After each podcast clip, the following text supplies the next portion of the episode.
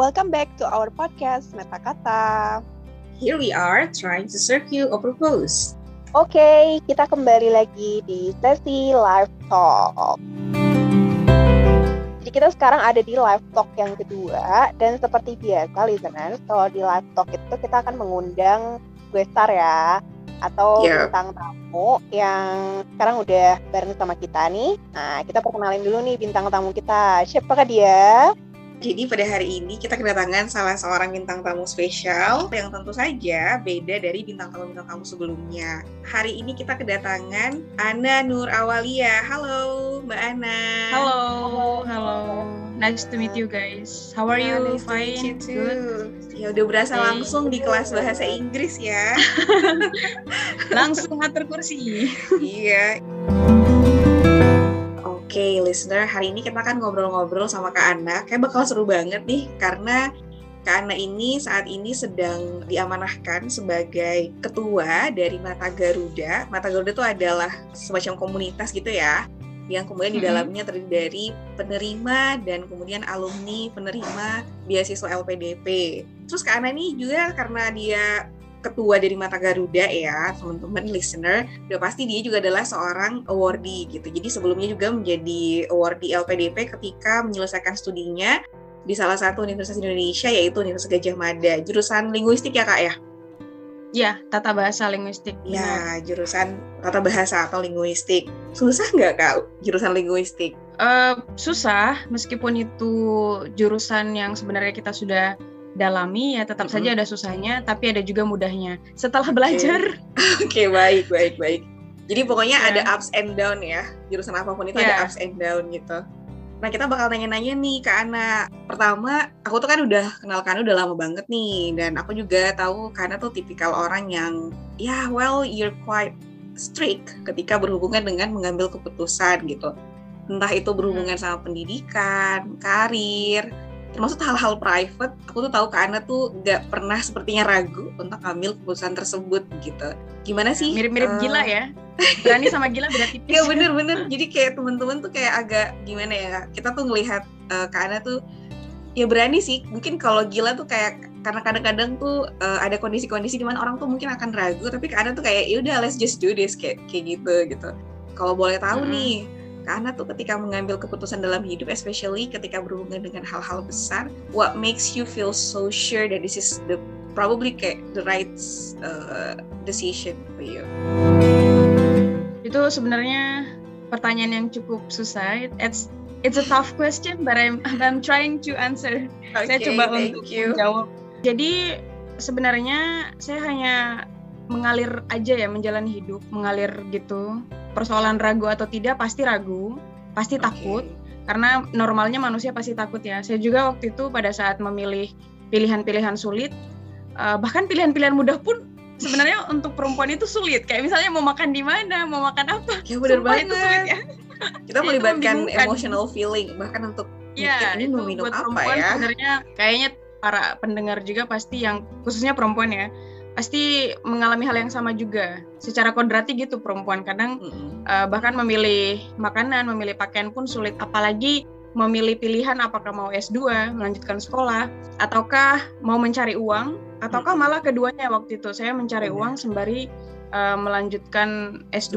Jadi itu agak-agak sulit memang. Tapi waktu itu saya berpikir bahwa kalau saya berhenti, saya mungkin tidak akan tahu apa yang terjadi ke depan. Jadi saya harus bergerak terus tuh biar seimbang.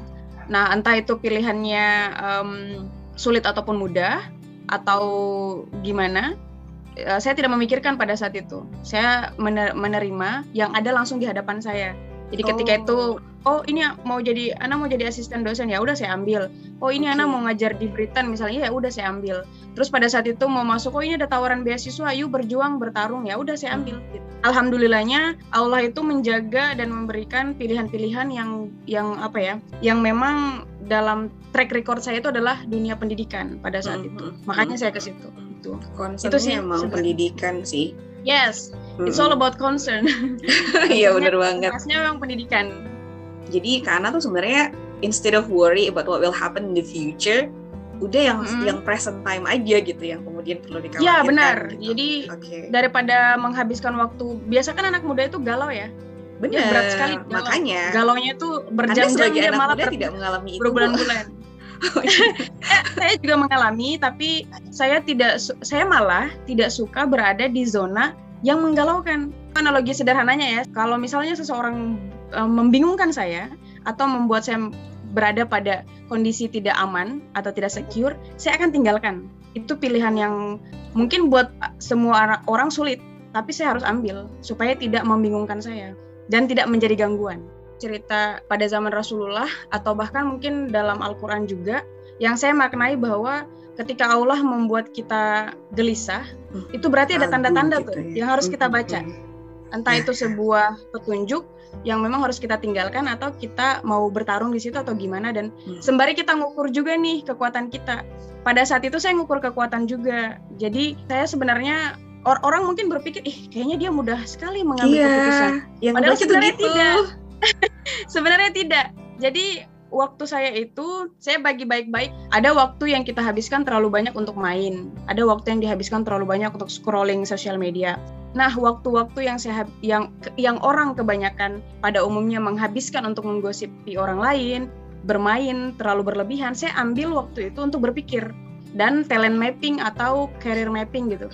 Saya berpikir tenang-tenang, kira-kira mau ke mana, mau ngapain, dan langsung saya beraksi gitu, langsung diambil jadi saya tidak banyak terlalu consideration apa ya, yeah. tidak terlalu banyak yeah. mempertimbangkan dan dan menghindari toxic thought from friends. Jadi hmm. biasanya ada juga teman-teman yang kasih gambaran-gambaran tuh, tapi yeah. itu saya hindari. Yeah. Jadi supaya saya stay on the track gitu. Karena tuh nggak suka ini ya. Maksudnya kalau misalnya tadi dalam hal kecil nih dalam hubungan gitu. Jadi karena tuh nggak mau membiarkan orang lain tuh mempermainkan emosi gitu ya. Betul. Nah, kalau misalnya kemudian ada orang yang sudah mulai ada tanda-tanda mempermainkan emosi kita gitu mm -hmm. atau misalnya kondisi mm -hmm. gitu cenderung untuk kemudian mendingan keluar aja deh gitu daripada ya, langsung malah langsung diri kita sendiri langsung foto. malah diri kita sendiri yang jadi korban gitu ya kak ya. Ya benar. Karena mau membiarkan itu terjadi. Itu mungkin itu juga kali hal yang sangat menguntungkan dalam kondisi ini adalah waktu yang kemudian biasanya orang makainya itu buat hal-hal yang galau kalau ke anak karena udah cukup untuk bertindak jadinya waktu yang tadinya dipakai oleh setiap orang untuk ngegalau tuh itu nggak mempan gitu loh dan justru yeah, malah benar. lebih spending banyak waktu di tempat yang lain gitu yang lebih Betul. dan malah kadang menghabiskan banyak uang malahan karena kan kalau kita galau kan kita cenderung uh, oh iya. mencari kesenangan di luar kan? Betul. Nah, itu sangat menghabis sangat konsumtif budaya yang sangat konsumtif. Jadi pada saat itu saya juga berpikir kan berpikirnya tuh melihat fenomena. Saya tangkap kesimpulan bahwa oh kayaknya anak-anak muda kalau galau sangat hmm. merugikan ya. Saya yeah. tidak mau berada di posisi rugi teman-teman para pendengar. Ah, ya, ya, ya. Jadi jadi pada saat itu saya langsung oh langsung take position. Saya ngambil posisi yang aman yaitu dengan menghabiskan banyak waktu untuk berpikir masa depan, untuk berpikir kayaknya mau coba program apa ya. Dan di setiap sela-sela waktu itu tidak akan saya biarkan itu tidak bermanfaat. Saya tuh merasa kayak menyesal gitu satu hari itu kalau nggak produktif atau nggak bikin apalah olahraga misalnya atau dengerin cur curhat teman, kasih ngasih solusi dan lain-lain itu bakalan bikin saya galau malah kalau saya tidak produktif dalam sehari. Karena tuh cenderung orang yang kemudian bisa uh, kan kadang gini ya kak ya ada tipe orang yang berbeda-beda ya personalitinya. Misalnya orang tuh butuh brainstorming dulu sama orang supaya dia bisa insightful gitu loh sama sesuatu. Nah tapi kalau mm. Ana mungkin kalau dari yang aku tangkap tuh dia bisa apa ya membawa insight-insight baru tuh dari hasil pemikirannya dia sendiri aja. Makanya tadi dia menjauhi situasi yang ketika nanti tuh akan berhadapan dengan toxic thought dari orang lain gitu. Jadi ya, ya udah deh mendingan sendiri aja gitu kan dan itu lebih yeah. bisa. Tapi mungkin ada juga orang-orang yang dia cenderung untuk bisa ngambil suatu keputusan atau mungkin insight dalam hidupnya tuh ketika dia harus brainstorming dulu sama orang kayak gitu baru dia dapat insight-insight baru gitu ya. Jadi kalau dari segi kepribadiannya mungkin ya ini salah satu yang yang unik juga ya gitu karena yeah kemudian mengandalkan sepenuhnya kepada dirinya sendiri gitu. Untuk beberapa hal sebenarnya saya introvert, Jadi kalau misalnya orang lihat kayak Instagram saya, terus aktivitas saya yang padat dengan ribuan orang misalnya, orang mungkin pikir wah dia aktif sekali ya. Padahal sebenarnya tidak. saya itu sangat introvert. You can you can ask Titin. My friend is only one. My best friend is only one ya. Sebenarnya dia tahu teman-teman yang paling dekat itu siapa dan itu cuma satu orang mungkin ya. Dari dulu Jadi sampai uh, sekarang. Saya saya memang menjaga circle pergaulan. Kalau teman banyak, tapi yang memang benar-benar dekat itu sedikit. Itulah that's why I call myself as introvert. Saya sangat introvert. Tapi saya tidak menutup diri untuk berjejaring. Saya sangat suka berjejaring, berkolaborasi, sangat suka. Tapi yang tadi Sarah tebak itu benar. Saya biasanya daripada mungkin karena dari lingkungan ya. Kalau waktu di Jogja, uh, saya sangat terbuka dengan banyak orang, mendengarkan brainstorming idea orang, karena memang insightful seperti itu. Nah terus kan sekarang Kak Ana tuh diamanahkan nih jadi ketua Mata Garuda untuk wilayah iya, benar Sulawesi deh. Tenggara. nah, um, which is karena harus mengorganisir orang yang jumlahnya banyak ya kayak kayak ada yang Iya, 289 gitu. Oke, okay, that's great. We can tell that you are the chief then, because you know the number. nah, itu kalau boleh tahu nih, menurut Kak Ana, jadi pemimpin itu panggilan hati atau tuntutan kondisi? Oke, okay, itu ini kayaknya pertanyaannya berat-berat semua ya. Saya jadi takut ini. Harusnya tadi saya belajar dulu. Oke, okay, uh, jadi bicara soal kepemimpinan dan atau pemimpin untuk saat ini ya buat saya saya memulainya dari melihat kondisi gitu.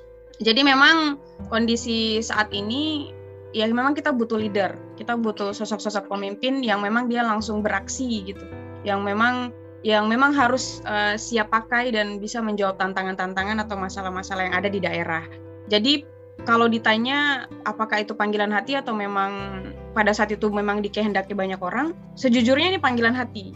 Karena sebenarnya kalau kita bicara soal karir ataupun pekerjaan, saya merasa bahwa sudah aman ya, buat saya ya, karena sukses itu Udah kan kembali ke pribadi ya. masing-masing ya. Hmm, buat saya sudah aman gitu. Terus ketika orang bertanya ngapain lagi jadi ngambil posisi itu kalau misalnya sudah merasa aman, ya itu panggilan hati karena melihat banyak banyak banyak masalah di daerah, banyak hal-hal yang memang harus kita ambil aksi untuk bisa sedikitnya membantu gitu. Hmm. Itu sih sebenarnya dari panggilan hati kayak bergetar itu tiap malam kayaknya kok saya galau berat ya ini ya. Uh, uh, uh, Oke. Okay. Ternyata itu panggilannya galau. kegalauan akademik. Oi, tapi ini sebenarnya jarang yeah. juga sih ya maksudnya kayak orang-orang yang punya insight seperti Kak Ana maksudnya dengan mm -hmm. kemudian berani untuk menyampaikan bahwa oh ini karena panggilan hati nih karena aku ngelihat banyak masalah di sekitarku mm. terus aku pengen taking action gitu kan sama keadaan itu gitu menurut aku sih mm. itu langka ya karena sekarang kebanyakan kaum milenial nggak langka tuh kayak Ana tuh terancam punah gitu Iya maksudnya langka yeah. dalam arti Kayaknya kata unik kan. Unik. Sedikit lagi terancam yeah. punah ini. nah makanya orang-orang kayak gini tuh harus dipertahankan kan. Iya. Yeah. Karena ini perlu ya, kita bawa ke cagar alam ini sih. Bu Ana. Aduh saya merasa tersanjung ya. Uh, kekasih saya pernah bilang gitu loh, kalau dia pergi pergi aja udah. Cara me menyebutkan kalimat mempertahankan, wah saya luar biasa sekali. Luar biasa. Jadi kita nggak putus ya. gitu. Jadi ya gitu jadi menurut aku unik banget sih karena mungkin sekarang milenial itu kebanyakan fokusnya tuh sama dirinya sendiri jadi gimana cara untuk memperluas karirnya maksudnya untuk mereka itu berada di komunitas ya kalau hmm. mereka jadi leader atau apa itu ya cuman cuman cuman untuk kemudian memper, pencapaian memperluas dirinya. karir atau pencapaian hmm. dirinya dia gitu secara pribadi gitu jadi aku apresiasi sih maksudnya nggak mudah ya Sama. untuk menjadi seseorang yang kemudian punya panggilan hati seperti ini karena aku melihat mm-hmm. banyak banget teman-temanku di luar sana juga yang masih individualis ya yeah, I do feel the same thing uh-huh. Uh-huh. Terus kalau menurut Kak Ana sendiri nih pemimpin itu nature or nurture Oke, okay. pemimpin uh, itu dilahirkan atau ditempa ya? Bener banget you think about that? I personally think it's both ya. Jadi okay. saya berpikir bahwa itu dua-duanya. Itu dan itu wajib. It's interesting. Oke. Okay. Mm -mm. Karena um, sadar tidak sadar kalau kita perhatikan ya fenomena sekarang ini atau bahkan mungkin yang zaman-zaman Soeharto atau Soekarno gitu. genetika itu wajib gitu gen itu perlu untuk untuk untuk kita akui bahwa itulah salah satu basic atau apa ya akar utama gitu. Jadi ada juga kan orang yang memang uh, let's say dia ditempa nih, bukan dilahirkan, memang bukan memang genetiknya begitu. Dia ditempa. Tapi ada momen di mana ketika dia diuji dengan kekuasaan, ketika dia diuji dengan uang, atau mungkin wanita misalnya, atau tahta Renata, yeah. ya pada saat ada ujian dia jatuh dan itu sejatuh-jatuhnya jatuh gitu.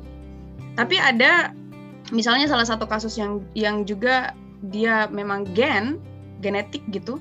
Hmm. Tapi kalau misalnya dia tidak diberikan wadah, tidak ada eh, kesempatan, ya dia terlupakan. Ya memang dia leader, hmm. tapi yang leader yang memang yang dia tidak tidak kelihatan gitu, tidak muncul. Karena tidak ada wadah itu atau yang disebut tadi yang ditempa itu loh. Okay. Makanya kita butuh dua-duanya nih. Kita butuh dua-duanya. Kita butuh yang uh, memang potensial dan memang ada gennya dan itu sulit. Makanya memang pemimpin hanya sedikit tidak banyak gitu. Yang jadi leader itu sedikit. Ini di luar konteks bahwa semua umat Islam itu terlahir jadi khalifah atau pemimpin ya okay. Um, okay. ini di konteks yang lebih umum bahwa memang buat buat saya pribadi ya ketika mengalami banyak pengalaman organisasi satu ke organisasi lainnya kemudian juga melihat para leader-leader dari organisasi lainnya, dan saya mengamati dari dekat maupun jauh, ya memang kita butuh dua-dua dua-duanya. Bahwa memang pemimpin yang sejati itu dia punya gen dan dia ditempa. Itu sih. Karena setuju nggak sih sama kayak mm-hmm. kita misalnya ada di satu organisasi ya, terus organisasi itu kan pasti ada ketuanya dong misalnya nih Nah, tapi mm-hmm. ketua itu tidak selalu dia tuh punya jiwa pemimpin gitu loh. Jadi kita menyebut dia ketua itu hanya sekedar label, tapi dia tuh nggak nggak nggak berarti pemimpin di mata kita karena bisa jadi pemimpin itu justru malah orang-orang yang ada di luar daripada dia sendiri sebagai orang yang terlabeli sama ketua gitu ya. Nah, itu. Sama betul, ketua, betul, betul. Gitu. Jadi memang betul. betul sih, aku ngelihat pemimpin memang nggak setiap orang itu mampu jadi pemimpin dan jadi pemimpin itu susah banget apalagi dia maksudnya bisa hmm. memposisikan gimana kemudian dia harus bersikap dan memberikan rasa nyaman karena kalau menurut aku pemimpin itu juga salah satu kewajibannya adalah dia bisa memberikan rasa aman dan nyaman sama orang-orang yang ada di dalam timnya dia dia nggak ngerasa bahwa orang-orang di di dalam timnya dia itu adalah bawahan atau mungkin anak buah gitu kan. Tapi ya orang yang hmm. juga punya punya proporsi yang sama gitu kan untuk mewujudkan visi dan misi dari organisasi itu. Saya sepakat dengan apa yang disampaikan Sarah. Itu benar sekali. Tapi sebenarnya itu adalah ekspektasi kita kan. Harapan kita terhadap semua pemimpin. Tapi kita harus tahu nih beberapa hal di luar dari itu. Karena gini pemimpin itu dia tidak boleh dia tidak bisa berdiri sendiri ya ada beberapa pemimpin yang misalnya dia bertarung sendirian terus kecewa diam-diam terus dalam-dalam ya, ya nggak berlalu gitu aja ya ada yang memang mentalnya kuat gitu. Tapi apakah apakah dalam kepemimpinan dan organisasi itu berhasil? Saran saya tidak seperti itu. Karena begini, hari ini tuh kita yang yang kita butuhkan adalah kolaborasi ya, kerja tim. Jadi sebenarnya ya. sudah tidak ada lagi uh, sudah tidak ada lagi sebutan teknis bahwa saya pemimpin, Anda anggota. Harusnya kita melebur. Jadi sebutan pemimpin itu atau ketua itu hanya ada melebur ke struktur organisasi yang bersifat formal, misalnya dalam hmm. dalam kertas, dalam atas kertas ya. Tapi ketika kita terjun ke lapangan, kita harus menjadi sosok-sosok pemimpin masing-masing kita nih. Misalnya Sarah, Ana, Titin, terus siapa, let's say Andi gitu ya, dalam hmm. satu kelompok turun ke lapangan, itu udah jadi leader masing-masing untuk diri mereka sendiri. Sehingga karakter-karakter yang Sarah sebutkan tadi tidak hanya dibebankan kepada pemimpin toh, tapi juga kepada bersama gitu. Jadi tugas sama-sama. Itu yang sebenarnya sekarang lagi digalakan oleh banyak orang ya, yaitu kolaborasi tadi itu. Ya. Nah, tinggal tugas pemimpin yang tidak boleh hilang itu adalah job desk explanation atau pembagian atau penjelasan job desk tadi. Si Sarah bikin apa, si Titin bikin apa, si Andi bikin apa, si Ana bikin apa, dan kemudian disatukan. Yang paling sulit sebenarnya dari tugas pemimpin adalah merangkul Nah, itu tugas saya merasa bahwa kepemimpinan saya yang tersulit itu adalah merangkul itu. Kalau persoalan teknis misalnya gimana cara memimpin, gimana cara berorganisasi, mengamankan anggaran, kemudian eksekusinya, saya yakin semua orang bisa. Persoalannya satu, merangkul. Jadi merangkul ini kan tugas yang berat ya, karena kita merasa bahwa selalu ego bahwa kayaknya si Titin deh yang harus rangkul pertama. Kayaknya si Sarah deh yang harus SMS aku duluan gitu ya. iya kan? Itu yang sulit. Nah, makanya saya kalau misalnya dalam organisasi luar misalnya, saya selalu ya. beritahu ya. ke adik-adik bahwa yuk cari sosok yang bisa merangkul. Jangan cari yang pintar sekali, jangan juga cari yang dominan. Dominan juga tidak terlalu bagus ternyata. Atau juga jangan mencari yang bisa tapi dia diam gitu. Hmm. Carilah yang bisa merangkul. Nah, yang bisa merangkul ini yang luar biasa karena dia akan mengarahkan orang-orang pintar ini gitu. Let's say seperti Alibaba ya, Jack Ma. Jack Ma tuh kan nggak orangnya biasa saja. Beli, beliau mengakui itu. Tapi orangnya bisa merangkul tuh. Dia bisa merangkul orang-orang cerdas dibawa ke pemimpinannya. Itulah pemimpin yang sesungguhnya menurut saya. Tuh. To be honest, I'm still learning how to get people together atau how to get people connected each other gitu.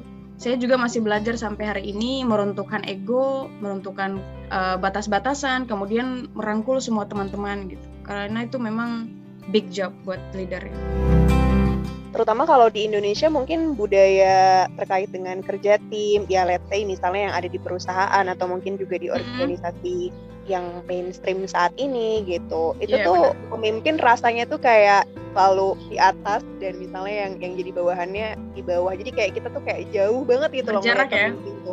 iya berjarak, ya, berjarak. Jadi, hmm. mungkin stereotip itu juga dibangun oleh culture misalnya ya culture ya budaya juga membangun itu hmm benar-benar menarik sekali bincang-bincang kita sekalipun singkat ya dengan Kak Ana. Makasih banget yeah. loh nafasnya sudah mau habis ini ya. Singkat kali ya saya baru masuk yeah. klimaks saya udah ditutup ya. Iya. Iya. Tapi itu artinya berarti Kak Ana harus bersedia kalau kita undang lagi Kak. Oh my untuk god. datang ke podcast ke podcast meta kata ya Kak ya. Biar ini luar eh, biasa sekali podcastnya tadi sekalipun singkat sebenarnya banyak daging-daging yang udah kita terima ya dari pesan-pesan dan juga kemudian tadi tuh berasa sebenarnya kayak lagi uh, denger webinar juga di saat yang sama ya Beb ya. Iya. Satu iya, SKS ya. Iya bener. Oke deh Kak Ana, tapi berhubung karena kita terbatas durasi nih Kak, sadly kita harus mengakhiri diskusi dan juga kemudian bincang-bincang sama Kak Ana, tapi tenang aja listener, di kesempatan lain kita akan undang lagi Kak Ana dan karena bersedia ya Kak kalau diundang lagi sama Meta Kata. Insya Allah nanti saya transfer nomor rekening saya ya. Baik, siap, siap. ya Oke. Okay. Thank you so much juga buat listeners yang udah ngedengerin dari awal sampai dengan akhir. Kalian hebat kalau kalian ngedengerin sampai akhir. Dan juga terus support kita semua ya di sesi-sesi Iya, harus didukung nih. Banyak banget hal-hal yang kemudian kita bahas dan tadi juga sebenarnya nyambung juga nih sama pembahasan uh, yang kita bahas hari ini ya, yang kemarin-kemarin kita bahas juga nyambung nih sama pembahasan-pembahasan kita hari ini. Hmm. Jangan lewatkan pembahasan yang sebelum-sebelumnya. Oke. Okay? So, sampai sini dulu. Sampai ketemu lagi di podcast Meta Kata berikutnya. Don't forget to subscribe and support us too. Bye-bye. See you.